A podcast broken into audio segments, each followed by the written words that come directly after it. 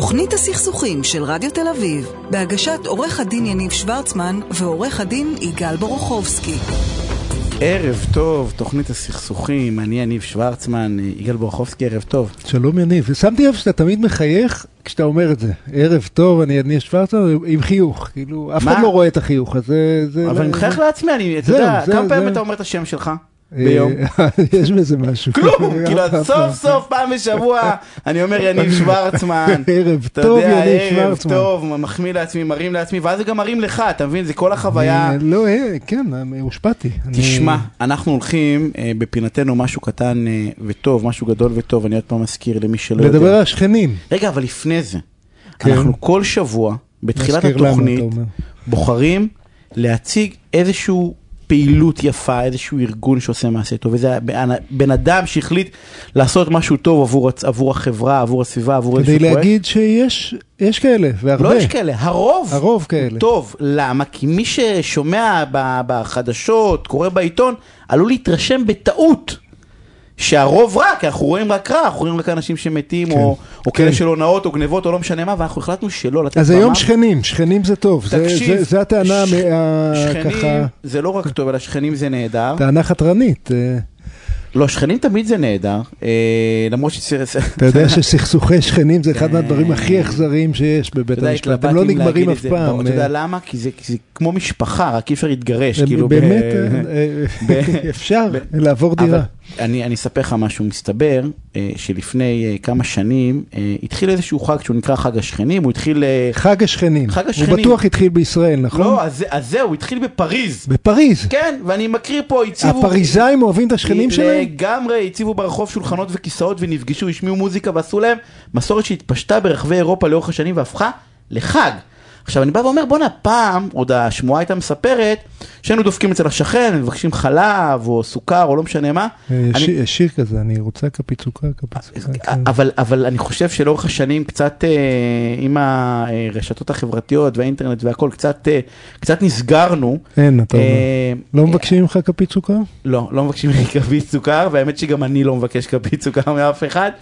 וקצת נסגרנו, והחג הזה הוא חג דרך אגב רשמי, כאילו יש המשרד לשירותים קהילתיים, כאילו זה המדינה, המדינה, ממש אימצנו אותו, לגמרי, המדינה באופן רשמי מפרסמת אותו בדפי הפייסבוק ובכלל מעודד את הדבר הקהילתי המהמם הזה. ב-25 לחמישי, תעשו חיפוש אה, חג שכנים, אוקיי? יש ממש הוראות, אמרת מקודם איך, יש ממש הוראות הפעלה. עכשיו בעיניי... בהוראות uh, מאוד רציניות, אני אהבתי. כן. לא, אתה חשבת שאני ציני, אבל uh, התרשמתי מ, מהדיוק, מהבהירות, הם יורדים שם uh, לפרטים, נותנים כמה טיפים טובים, מעולים. טובים, כי למדו כן. ועושים את זה בכל העם, והאמת היא שתחשוב על הקונספט הזה, זה מהמם. פעם בשנה במרכאות כפולות להכריח את עצמנו, ללכת לדפוק רגע בדלתות של השכנים, להגיד אנחנו נפגשים למטה, אוכלים עוגה, תביאו משהו, בסדר? תביאו מה שיש לכם בבית, לא משנה מה, תרדו למטה. אה, אה, זו הזדמנות נהדרת להכיר את השכנים שלנו ולא דרך הריב אה, על החנייה. או דרך מי שדופק לי ב... נכון, ב... ובייחוד ב...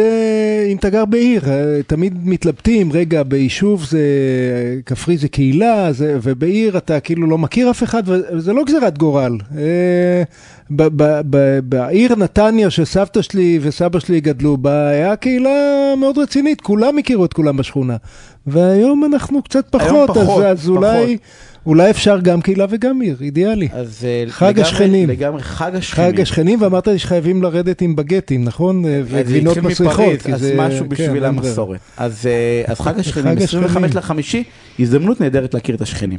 והנה אנחנו מתחילים. תוכנית הסכסוכים של רדיו תל אביב, בהגשת עורך הדין יניב שוורצמן ועורך הדין יגאל בורוכובסקי.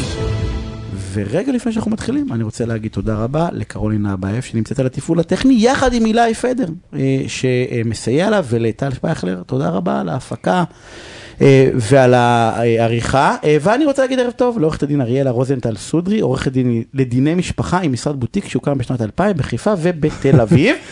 אז כאילו עברנו מהסכסוך השני הכי גרוע לסכסוך הראשון הכי גרוע, סכסוך גירושים.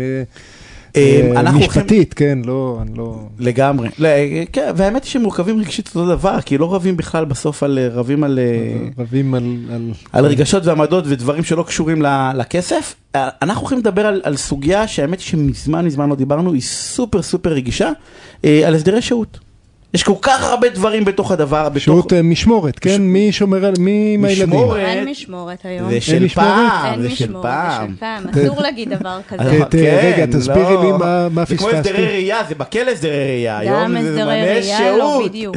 זמני שהות, כי אסור להכתיר את עצמך כבן אדם ששולט במשהו. הסדרי שהות זה יותר רך, זה יותר מכיל, נותן לשני ההורים את המקום שלהם, ושני ההורים הם חשובים לילדים, לא רק אה, צד משמורת אחד. זה כאילו אה, למי שיש משמורת שולט בילד, אתה משמורת, והשני זה לא שלו, משמורת ואז בתיקים שירות. במוזיאון, שאתה שם את התיק זה למשמורת. בדיוק. בסדר, אבל את הילד אתה לא שם למשמורת, והסדרי ראייה זה תמיד בכלא, תבוא לבקר אותו מתי שלא יהיה, ריקחו את זה. יש, אה, יש, לי, יש לי אה, אה, איזה תזה עד כמה שינויי המילים האלה באמת משנים משהו בעולם. אה, אתה יודע שאני בא מבלשנות, אז אה, משם אה, זה מתחיל. התשובה היא מעט מאוד, אה, אה, אבל משם- אבל, אבל בסדר, בוא- יאללה, בוא- שהייה, בוא נתחיל הסדרי קודם שהייה. כל, בוא נתחיל קודם כל בבסיס, איך קובעים דבר כזה? כאילו אני רוצה שהילדים יהיו אצלי כל השבוע. כן, ושתסלח כן. לי מיכל רגע, מה, עם כל הכבוד, שתבוא לבקר אותם. אבל באותו רגע שההורים נפרדים, הילדים צריכים שיהיה להם קשר עם שני ההורים, כן, זה וקשר באמת מה טוב שהיית עם רוצה? שני נראה ההורים. לך? היית, מה היית רוצה? מה? מה היית רוצה? ב- ב- בזה? כן. נניח התגרשתם, מה היית רוצה? אידיאלי. אה, אידיאלי זה שווה בשווה, דרך אגב, בית פתוח. בלי מה זה שווה. בשווה? איפה שהם רוצים, מתי שהם... זה חלום? האידיאל, באמת? זה מה שהם החלום רוצים. קח והאידיאל. מפתח, תבוא בכיף אליה, אליי מתי שאתה רוצה.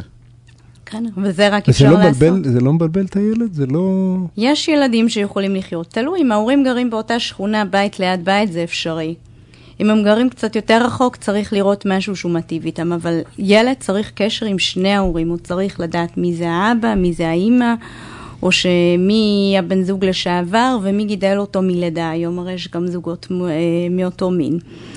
אבל מאוד חשוב להתפתחות של הילד להיות בקשר כמו שהוא נולד, ולהיות גם בקשר עם הצד השני. בקשר לא, זה אומר, אה, כמו שיניב אמר, שווה בשווה, זמן לא שווה חייב ל- להיות, זה לאבא לא ולאמא? חייב. הסדרי שהות משותפים היום הם לא שווה בשווה, לא תמיד. אלא?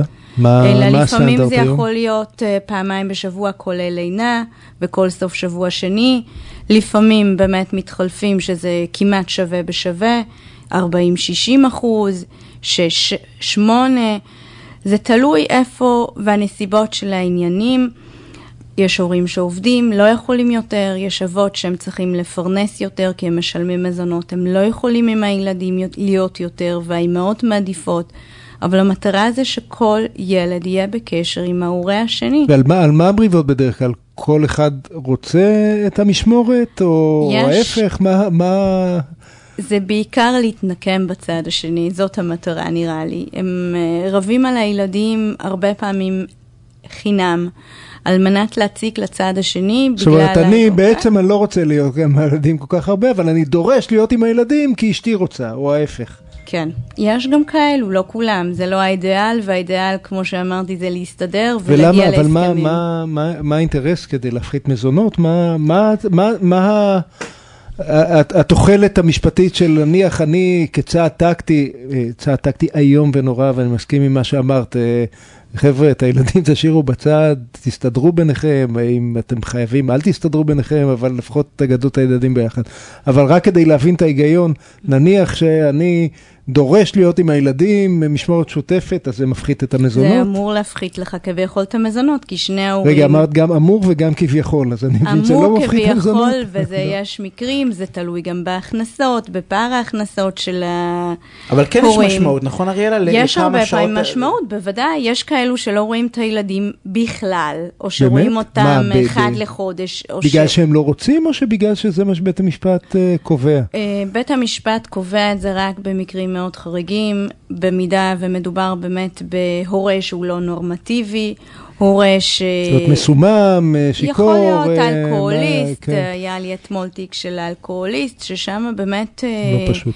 נאלצנו להגביל את ההסדרי שהות איתו ורק מרכז קשר, אבל זה לא, זה לא הנורמה, הנורמה זה באמת לראות את הילדים כמה שיותר וכמה שבאמת אפשר לעשות את זה. ובאמת, אני רגע חוזר ל... לכאורה, אה, אה, זה באמת שונה בפסיקת המזונות, אה, ב- אם זה שלושה ימים בשבוע או יומיים בשבוע, זה, זה יעשה הבדל? כי הבדל של כמה, תתרגמי את זה לכסף. בין מה- 40 ל-60 אחוז, כמו שאתה כרגע מגדיר את זה, בין פעמיים לשלוש זה פחות. אבל אם למשל, אבא לוקח את הילד, או אימא לוקחת את הילד פעם בשבוע, כן. וכל סוף שבוע שני, או כל סוף שבוע שלישי, בוודאי מה- שאותו הורה צריך להכניס את היד יותר עמוק לכיס, שמה- ולשלם מה- לצד השני. בכמה, ב- במה זה מתבטא? אנחנו... תלוי בהכנסות. לא, בסדר, אני. רגע, למי שלא מכיר, מה הטווחים? מה... זה יכול להגיע. בכמה מאות שקלים לכמה אלפי שקלים, בוודאי. כמה. מאות שקלים. לכמה אלפי לכמה שקלים? אלפי, בין... תלוי בפער של אותו הורה שמשתכר וההורה אז השני. אפילו בכמה אלפי שקלים זה ברור שהם לא רבים על הכסף, כי, כי לגדל את הילד עולה כמה אלפי שקלים, זה לא אבל- שהילד בחינם. וגם אז להתמודד הם, עם הם הילד. רבים אה, בשביל המריבה, לא בשביל באמת... לא נכון, אה, רגע, לא נכון. אני מה לא נכון? איתך. תסביר. מה- מה זאת אומרת? תסביר. אסטרטגית, מישהו, ב- ב- לצורך העניין נעשה את זה גבר ואישה, בסדר, למרות שאת הרי את מנסה לאזן את זה וזה בסדר, כי כן. מנסים לאזן הכל היום, בסוף הגבר משלם זונות ב-90% מהמקרים. כן, באמת? ברוב רגע, רגע. המקרים, כי 99% בגלל הפערי? ההשתכרות. בגלל הפערי פער ההשתכרות.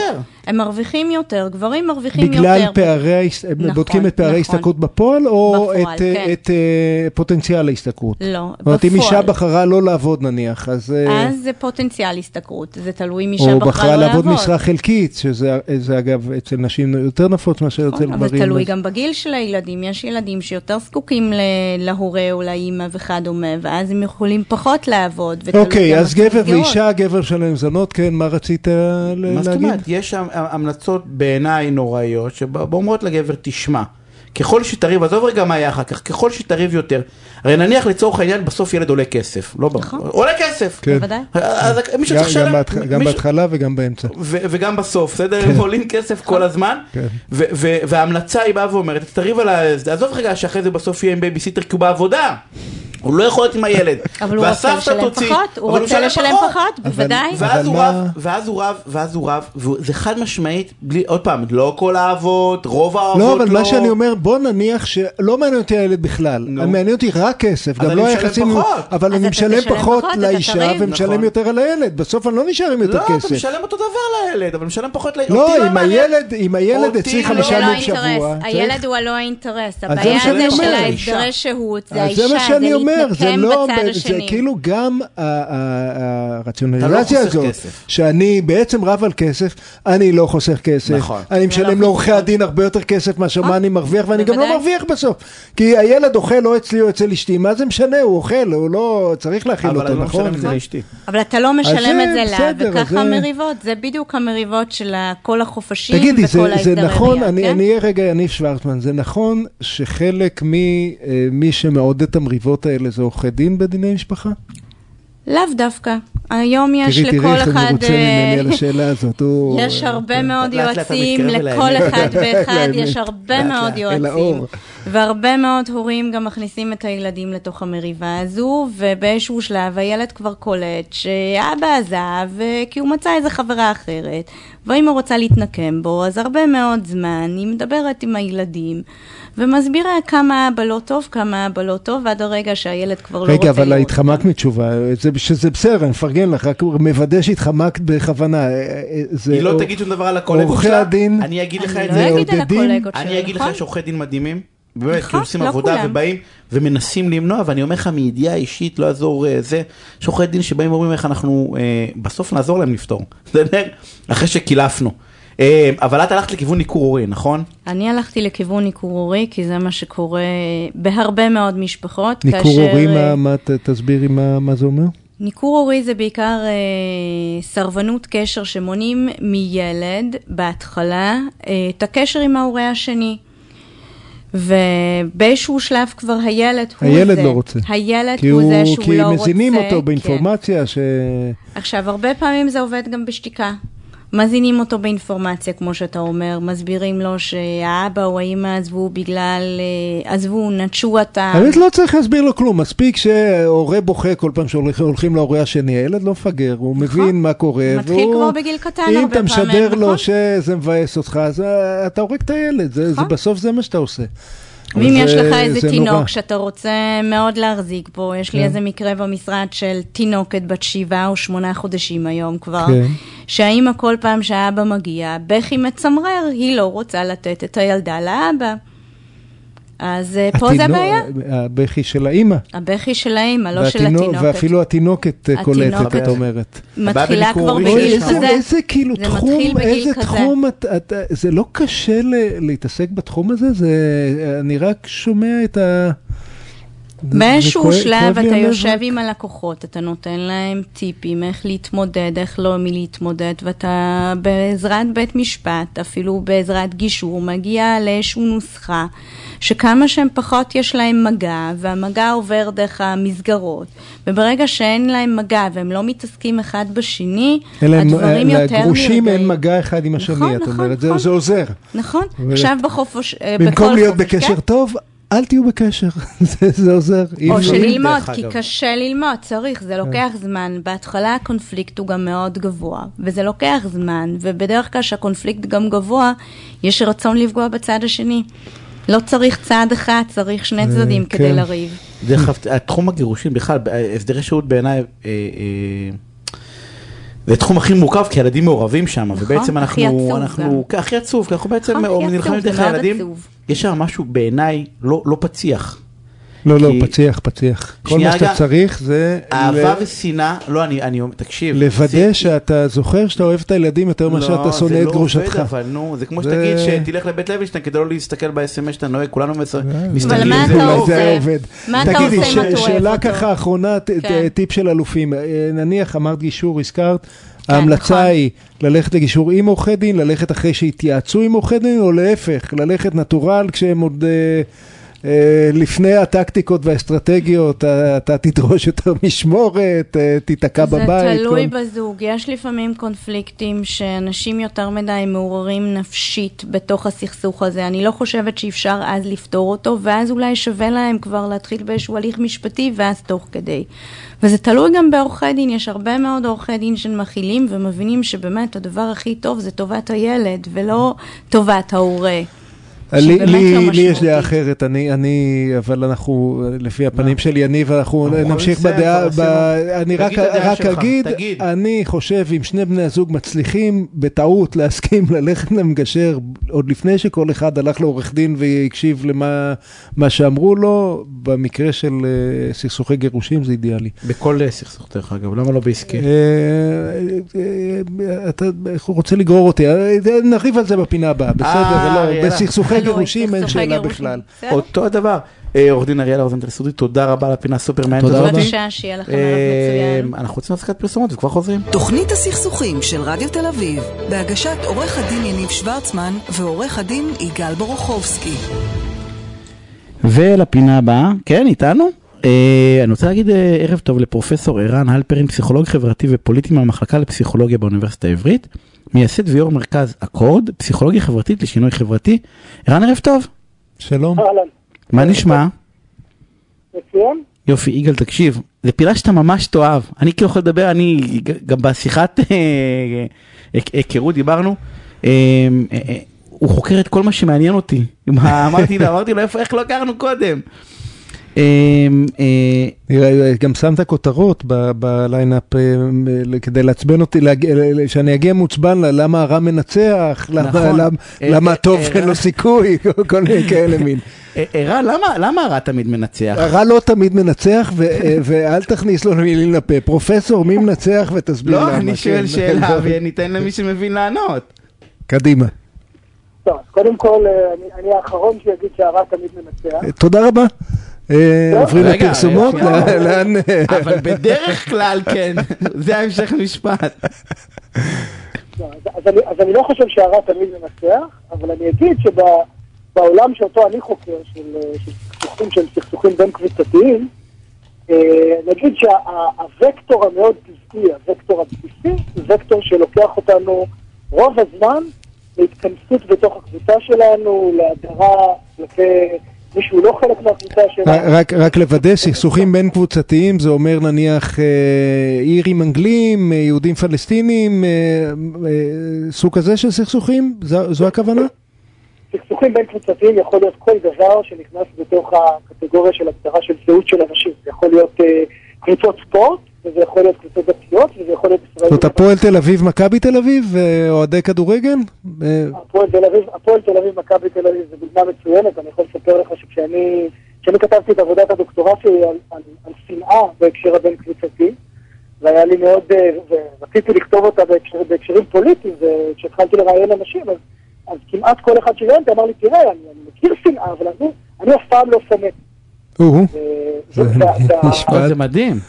כן, איזה כן. משפט. וה- וה- והאנשים היחידים, אני אגיד, כולל בני משפחה קרובים, ואולי אפילו אני, אנוכי, שהיו מוכנים להודות בשנאה בצורה חדה וברורה, היו בהקשר של, של קבוצות ספורט. אנשים מתביישים שהם שונאים. אה, לא, הם מתביישים או שהם? באמת לא מאמינים?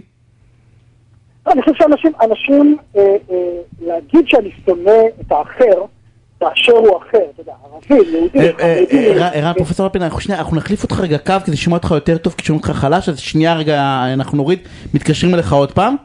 אה, שוב. בסדר, שנייה רגע. לא, תגיד, יניב, איזה- קבוצה? אתה-. אוהד את בני הרצליה או זה רק הילדים משחקים שם? לא, אני קודם כל, הם לא? משחקים? הרצליה, אני אוהד את מכבי חיפה ושיהיה להם בהצלחה היום בערב, אבל אה, אני רוצה להגיד לך כאילו, משהו, תקשיב, אתה- הולך עם אני ה... קראתי- אתה הולך עם האנדרדוג, אה? 30 שנה אני אוהד את האנדרדוג הזה, 30 יותר, כי כמה, כן, 35 שנה אני את האנדרדוג הזה, לפני שהם היו עוד אה, זה, אבל אני רוצה להגיד לך משהו, תקשיב, שמעתי, שמעתי את אה, פרופסור אלפר אינטרנט מדבר בכל מיני הקשרים, אה, הוא איתנו על הקו עוד פעם? כן, הוא איתנו רגע. אבל אבל, אה, אה, רציתי לשאול, אתה אוהד את מכבי חיפה, זה אומר שאתה שונא את הפועל חיפה? אז זהו, אז התשובה היא שלא, אבל אם אתה? שואל את הבן שלי, כן. הוא יגיד לך שכן. מה מה הוא יגיד לך? שאתה שונא או שעל שהוא על עצמו? שונא, שהוא שהוא שונא, את כן. הפועל חיפה? כן, את מכבי תל אביב. מכבי תל אביב. לא, אבל, אבל ערן, שאלה סופר חשובה, הם אנשים לא, שונאים כי אנחנו מתביישים, כי אנחנו מתביישים בזה, או שאנחנו באמת, בסיפור שלנו, אנחנו, אנחנו לא, לא שונאים אף אחד, אנחנו נשמות טובות וגדולות. לא, אני חושב ששנאה שנאה- שנאה הוא רגש אה, די שכיח, הוא לא מהרגשות השכיחים ביותר, אנחנו יותר, אה, אנחנו יותר כועסים, אנחנו יותר מפחדים, אנחנו, אנחנו יותר מיואשים, אבל, אבל אחוזים משמעותיים מהחברה גם שונאים. אני חושב שלהודות להודות בשנאה כלפי קבוצה שלמה, יש בזה, יש בזה אלמנט של חולשה, ולכן הרבה אנשים לא, לא, לא יודו באופן פומבי, או אפילו לא בפני עצמם שהם שונאים, אבל כשאנחנו בודקים קצת יותר לעומק מה זה אומר לשנוא, אז אנחנו מגלים שהרבה מהם כן שונאים. אז מה, מה, מה זה אומר לי? חשבתי זה רגש די, די מסביר את עצמו. מה, אני יכול לשנוא מישהו בלי לדעת שאני שונא אותו? זה נשמע לי... לא יודע, זה רגש כל כך עוצמתי. אם אני שונא את יניב, אני לא יודע את זה, זה מוזר. אה, אה, אני חשבתי שאנשים לא מודים שהם שונאים כי זה כאילו לא לגיטימי או לא ראוי. בקבוצת כדורגל אתה יכול להגיד, כן, אני אוהד את אה, מכבי, שונא את הפועל או ההפך, זה, זה יותר עובר, ל, עובר חברתית, אבל אה, אתה, אתה חושב שהם ממש לא מודעים לזה שהם... אה, אה, אה, לא, אני, אני, אני, אני חושב שהם מאוד מודעים, אני חושב שבגלל שהם מודעים למה המשמעות של שנאה, בגלל ש, ש, שרוב האנשים, יש להם הגדרה, אה, נקרא לזה הגדרה נאיבית, יחסית פשוטה, לגבי מה זה אומר לשנוא. אם אתה שונא מישהו, אתה אומר, הוא רע מטבעו, הוא לעולם לא ישתנה, ואם הוא רע מטבעו והוא לעולם לא ישתנה, אני צריך לעשות כל דבר כדי להוציא אותו מהחיים שלי. ו- ובהקשרים שאותם אני חוקר, ההקשרים הבין קבוצתיים, להוציא אותו מהחיים שלי, או אותם להוציא מהחיים שלי, יש לזה קונוטציות ומשמעויות מאוד מאוד בעייתיות. בכדורגל זה לא כל כך בעיה, או בכדורסל זה לא בעיה. אבל אם יהודי אומר, או יודה בפניך שהוא שונא ערבים, המשמעות, ה- תקרא לזה ההתנהגותית, או המדינית, או המעשית של זה, היא מאוד זה דרמטית. הוא לא כמו שצרפתי יגיד שהוא שונא יהודים, אנחנו כולנו יכולים להפוך את הדוגמה ולהרגיש בדיוק מה זה אומר. אבל אבל- אתה אבל שנייה, אני אתה רוצה- יודע, רגע, רגע. אני- אתה- אתה חוקר את השלוחים, נכון יניב? כן. אני- אני- אני- היה לי ויכוח בדיוק על זה עם שלוח אה. אה, אה, אה, של חב"ד, אי שם לפני אלף שנה, שהוא הסביר לי שמצווה לחנך לאהבה את מה שראוי לאהוב, ולשנאה את מה שראוי לשנוא. יש איזה משהו, לדעתך, פרופסור, ששנאה משרתת אותנו, ש- ש- שטוב לשנוא? אה, באופן, באופן ברור, יש הרבה דברים ששנאה משרתת אותנו ועדיין אה, אני לא, לא אסכים עם הסיפה של המשפט שלך שאומר שטוב לשנוא. שנאה משרתת אותנו כי במידה רבה שנאה היא הדבק, השנאה כלפי האחר, או כלפי הקבוצה האחרת, היא הדבק החזק ביותר שמאפשר לנו להיות ביחד. שמאפשר לקבוצה, שמאפשר לקבוצה להרגיש, או לאנשים להרגיש חלק מקבוצה. זאת אומרת, אם אנחנו לא שונאים אף אחד, אז אנחנו גם לא אוהבים אחד את השני מי יודע כמה. אתה- אומר, אנחנו צריכים, אנחנו צריכים את האויב הזה כדי אה, להתלכד. נכון, מאוד מאוד מאוד קשה לנו, ואני אומר את זה, אתה יודע, זה, נשמע, זה נשמע קצת, ציני כשאנחנו אומרים את זה ככה, אבל בוא נגיד את זה ברצינות. הרעיון הזה שקבוצות צריכות להיות ביחד, צריכות לייצר סולידריות, צריכות לייצר נרטיב שמאפשר איזו זהות משותפת לכל חברי הקבוצה, כחלק מהצורך לשרת איזה... איזה, איזה מנגנונים פסיכולוגיים מאוד מאוד בסיסיים, הוא צורך אמיתי, הוא לא צורך שאנחנו צריכים לזלזל בו. ואם, ואם העוינות כלפי קבוצת החוץ היא חלק ממה שמשרת את הצורך הזה, השנאה במובן הזה, עם כל זה שהיא רגש מאוד מאוד הרסני, משרתת משהו מאוד משמעותי, ואני אגיד, ואני אגיד משהו אפילו קצת, אולי, אולי שהוא, שהוא אפילו יותר קשה לשמוע. אני חושב שזאת אחת הסיבות הכי משמעותיות שבגללם חברות שנמצאות בסכסוכים לאורך הרבה שנים, היפותטית, לא משהו שאנחנו מכירים, אה, כמעט. יעשו, י- יעשו הכל כדי לא לצאת מהסכסוך הזה. אז איך איך בכל זאת יוצאים? לא, אבל זאת, אה, אני רוצה רגע לחבר אותך. קודם כל, יש פודקאסט מדהים שהיה לנו מספיק זמן, והלכתי ושמעתי, ויש לי שתי שאלות, אולי הן קשורות, אוקיי?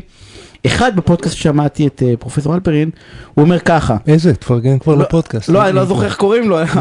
שאלת פרופסור, הוא זוכר. לא, מרתק, הוא אומר את הנתון הזה, הוא אומר, תשמע, אחד, תקן אותי אם אני טועה, בסדר?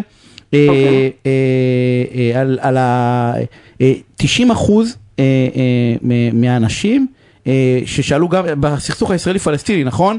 כאילו הייתה הסכמה על הסוף. כאילו נכון? אני לא טועה, 90 אחוז, בהרבה מאוד מחקרים 90 אחוז אמרו, גם הישראלים גם הפלסטינים אמרו אותו דבר. ויותר מזה, 70% מהם, שזה המון, אמרו שהם מוכנים לשלם מחירים כבדים בשביל, אם, אם, מתוך אותם מחירים, מתוך אותו סוף, אם הם ידעו שזה יביא לשלום. אני רק כאן טוען, אני רק כאן לא צודק, נכון? אתה, אתה כמעט מדייק, אתה, אתה רוצה לתת לי דקה ואני אגיד את זה? בוודאי, תגיד את הנתון? המדהים הזה, כי זה יכתיב תכף את השאלה שגם יגאל בא לשאול אותה. תגיד, אנחנו, אז, אז, אז אנחנו מוצאים, ואנחנו עושים סקרים במרכז הקוד, באוניברסיטה העברית, כבר יותר מ-15 שנה, כל שנה סקרים כאלה גם בחברה הפלסטינית וגם בחברה הישראלית. אנחנו שואלים שתי שאלות, חוץ, מ- חוץ מש... בין השאר. שאלה אחת אנחנו שואלים גם ישראלים וגם פלסטינים, בלי קשר לעמדתך האידיאולוגית, לא ימין, שמאל, תומך פת"ח, תומך חמאס ברשות, מה אתה חושב שיהיה בסוף? איך זה ייגמר? זאת אומרת עוד עשר שנים, עשרים שנה, מאה שנה, נקריב ככה וככה קורבנות, אה, אה, אה, נקריב את הכלכלה שלנו, שלכם, איך זה ייגמר? ומה שאנחנו מקבלים הוא שמעל 90 אחוז, גם מהפלסטינים וגם מהישראלים, מתארים ממש ממש ממש את אותו פתרון. ממש את אותו פתרון. עכשיו זה לא משנה מה הפתרון, כי, כי אני חושב שהחשיבות של הדבר הזה היא לא בפתרון הקונקרטי הפוליטי. נו די, אתה חייב, אתה חייב רגע, שנייה, לגלות לנו. רגע, רגע, מה- תמשיך, תמשיך, לא, מה רגע, הפתרון? אבל הטיעון הוא יותר מורכב. אני לא אוקיי. אהיה כאן עוד רגע, 100 שנה. רגע, רגע, רגע, רגע. אני רוצה לדעת. תנו לי שנייה, שנייה. והחלק השני, אנחנו שואלים אותם, תגידו, אוקיי, עזבו כרגע, 90% מציירים את אותו פתרון. פתרון אה, אה, הוא פשוט, הפתרון שמדובר עליו תמיד, של פחות או יותר שתי מדינות, גבולות 67, אה, החלפת שטחים, חזרה ל-96%. וזה 90 אחוז מהפלסטינים מסכימים? זה ממש מפתיע אותי. רגע, רגע, בואו בוא, בוא, בוא נוודא שאת כולנו מבינים. לא אמרתי שהם תומכים ברעיון הזה אידיאולוגית. אמרתי שכששואלים אותם מה יהיה, מה אתם חושבים שיקרה, בלי קשר לשאלה של התמיכה שלכם, זה מה שהם אומרים.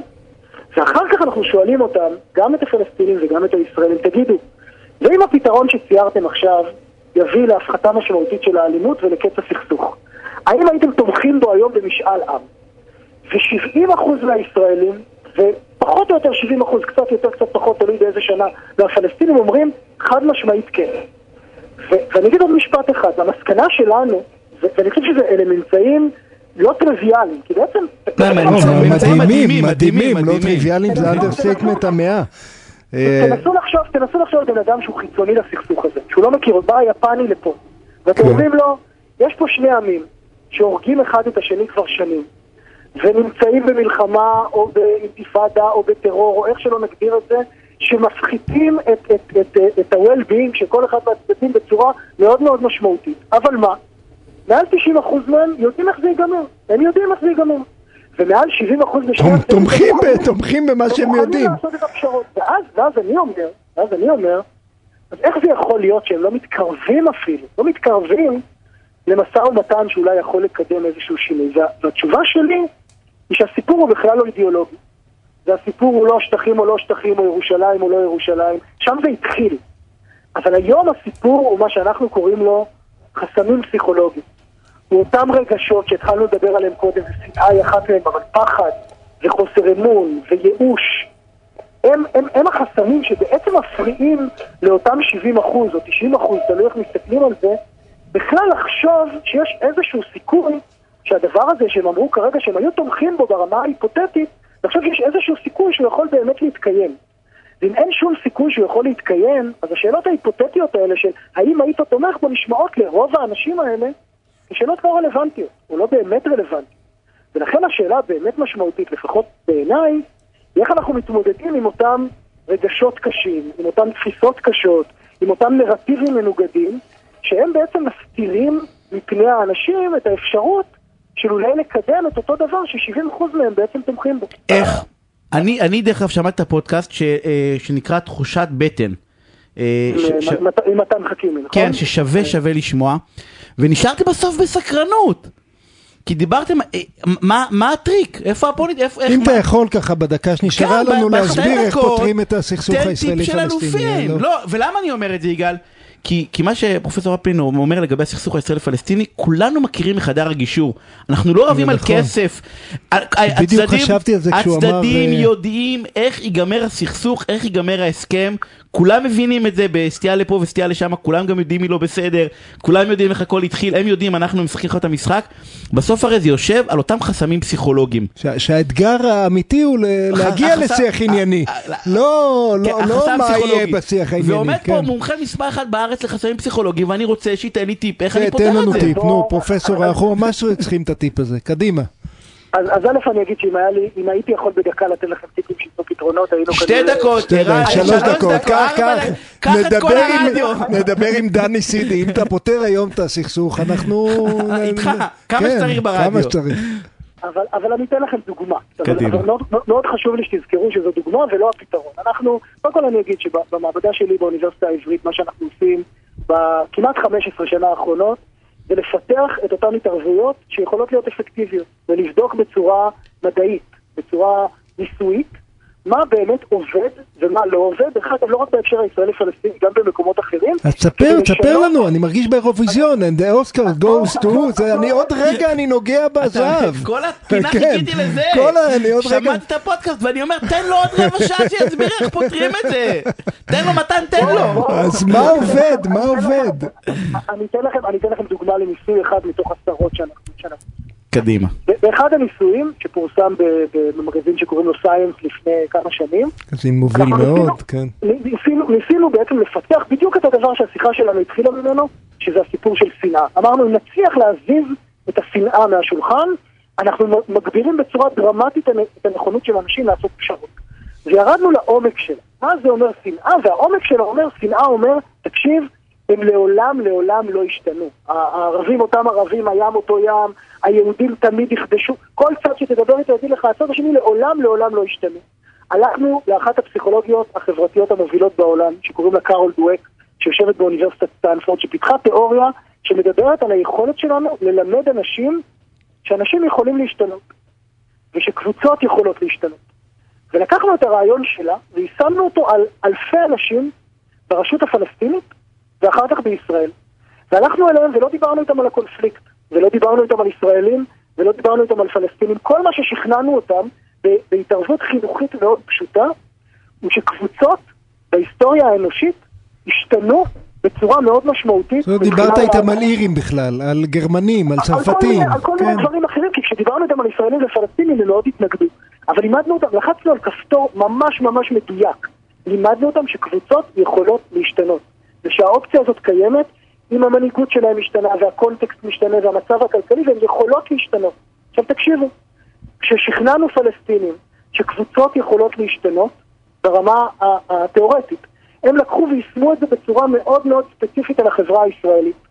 רמות השנאה שלהם כלפי ישראלים ירדו ב-30%, והנכונות שלהם לעשות את הפשרות הפוליטיות הכי הכי דרמטיות שפלסטינים יכולים לעשות בהקשר של הסכסוך, עלו ב-30 אחוז. וזה נכון גם לישראלים?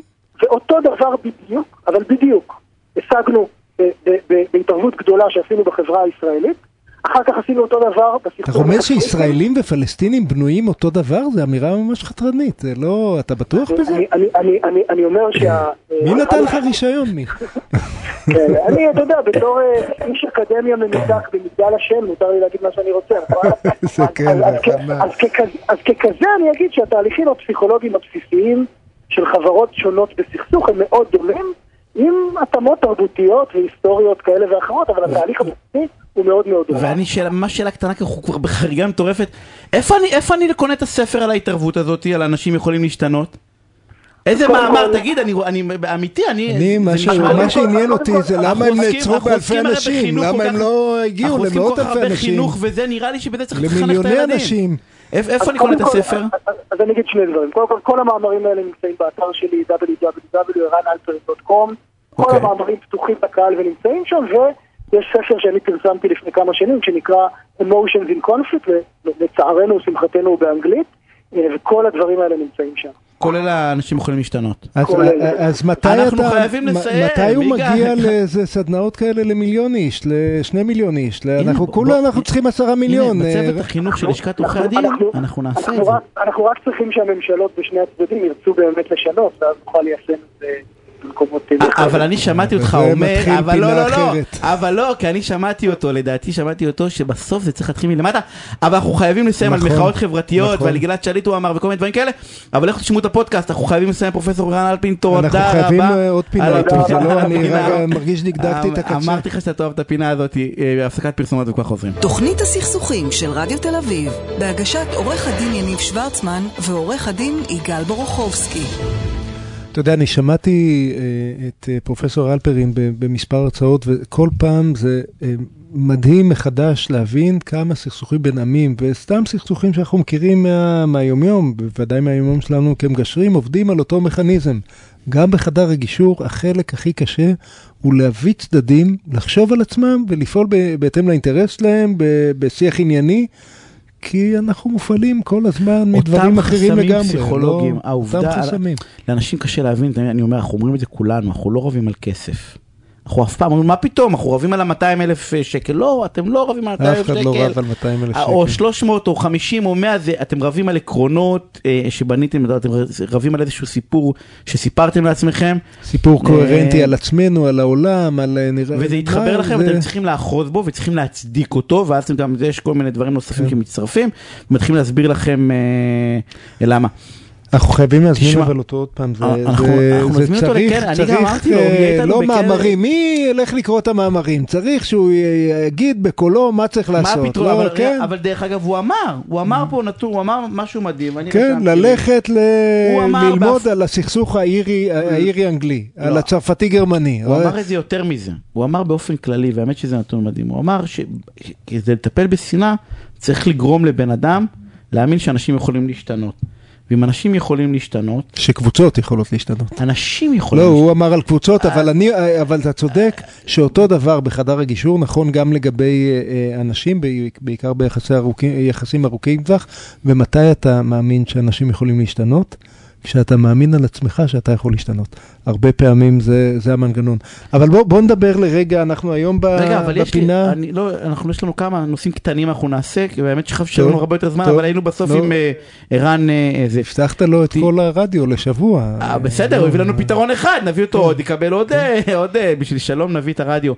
אה, תשמע, אה, כן. בוא בוא נדבר רגע על אה, חינוך.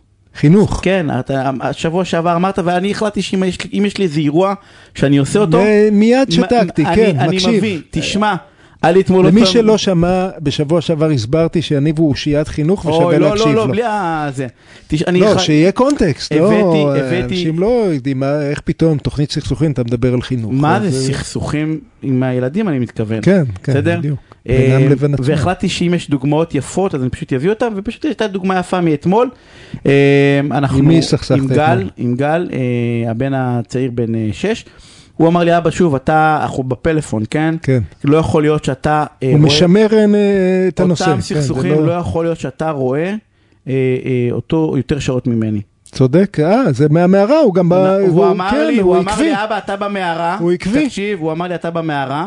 אמרת לי, שכשאתה תראה גם אני אוכל לראות. לא, לא, אני, לו- אני הייתי עד לשיחה. אתה אמרת שאתה רואה פחות מהילדים הגדולים.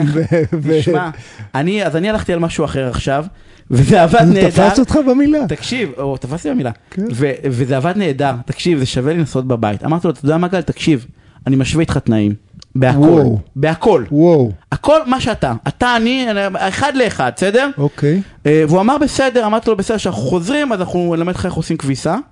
אה, ואז הוא אמר לי מה זאת אומרת? אמרתי לו, אנחנו משווים תנאים." תנאים. אמרתי לו גל תקשיב, משווים תנאים בהכל ואני באמת, ואמרתי אנחנו לישון בתשע ביחד, נלך לישון בתשע ביחד. הכל השוואת תנאים מוחלטת, בסדר? מה שאני עושה, אתה עושה ממתקים אני לא אוכל, כאילו, אז לא יהיה גלידה כאילו אחרי הצהריים, אנחנו משווים תנאים, כאילו גלידה זה צ'ופר. אז אני לא מקבל צ'ופרים, ואני גם אלמד אותך לעשות מדיח. איך ממלאים מדיח? שברת את הילד, ואז הוא אמר לי, קיצור. אבא, תקשיב, אבל איך אפשר- לבכות, אמר אני את השיחה הבאה אני אנהל עם הוא. אמר אפשר לעשות, אפשר לעשות אבל השוואת תנאים רק בטלפון. אז אמרתי לו, תשמע. יפה שהוא שאל אם אפשר, כן.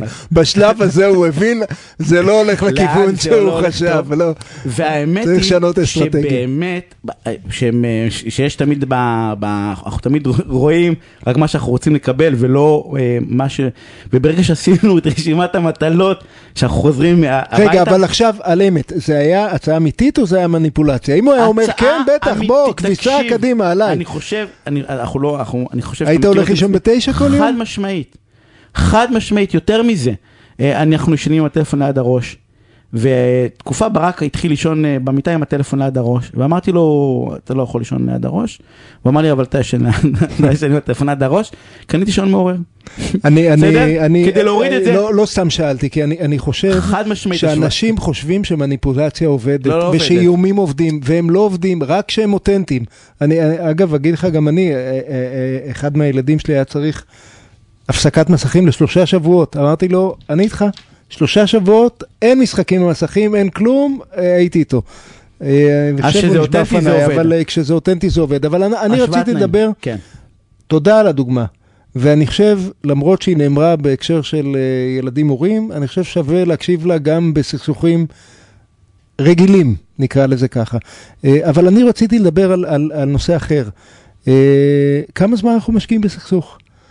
זמן זה הרוצח השקט הזה, הדבר הכי יקר לנו בעולם, זה הדבר היחיד שאי אפשר לקנות בכסף. ב, אה, אה, אה, ואנחנו נורא נדיבים בו. אנחנו נורא קמצנים בהמון דברים אחרים, אבל מאוד נדיבים בזמן.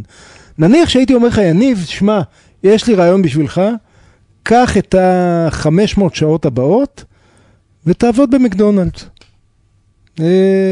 כל עבודה מכבדת בעליה, אבל רוב האנשים בגילך ומעמדך היו אומרים, עסקה לא משהו, בוא, אני אמצא משהו אחר, נכון? קרוב לוודאי. אז, אז, אז עכשיו נניח, אוקיי, אה, אה, 500 שעות, אה, מקדונלדס, לא יודע, כמה, כמה זה היה מניב לנו איזה 100 אלף שקל, נכון? כמה עשרות אלפי שקלים? 500 שעות. זה... אה, אה, אה, אה, כמה זמן לוקח לנהל סכסוך? בואו ניקח סכסוך על 50 אלף שקל. כמה זמן לוקח לנהל אותו? אה, אה, מניסיוני, עורך הדין, יהיה לו מאוד מאוד קשה עד פסק דין להשקיע פחות מ-100 שעות ולעשות עבודה ראויה. מסכים? כן. כן.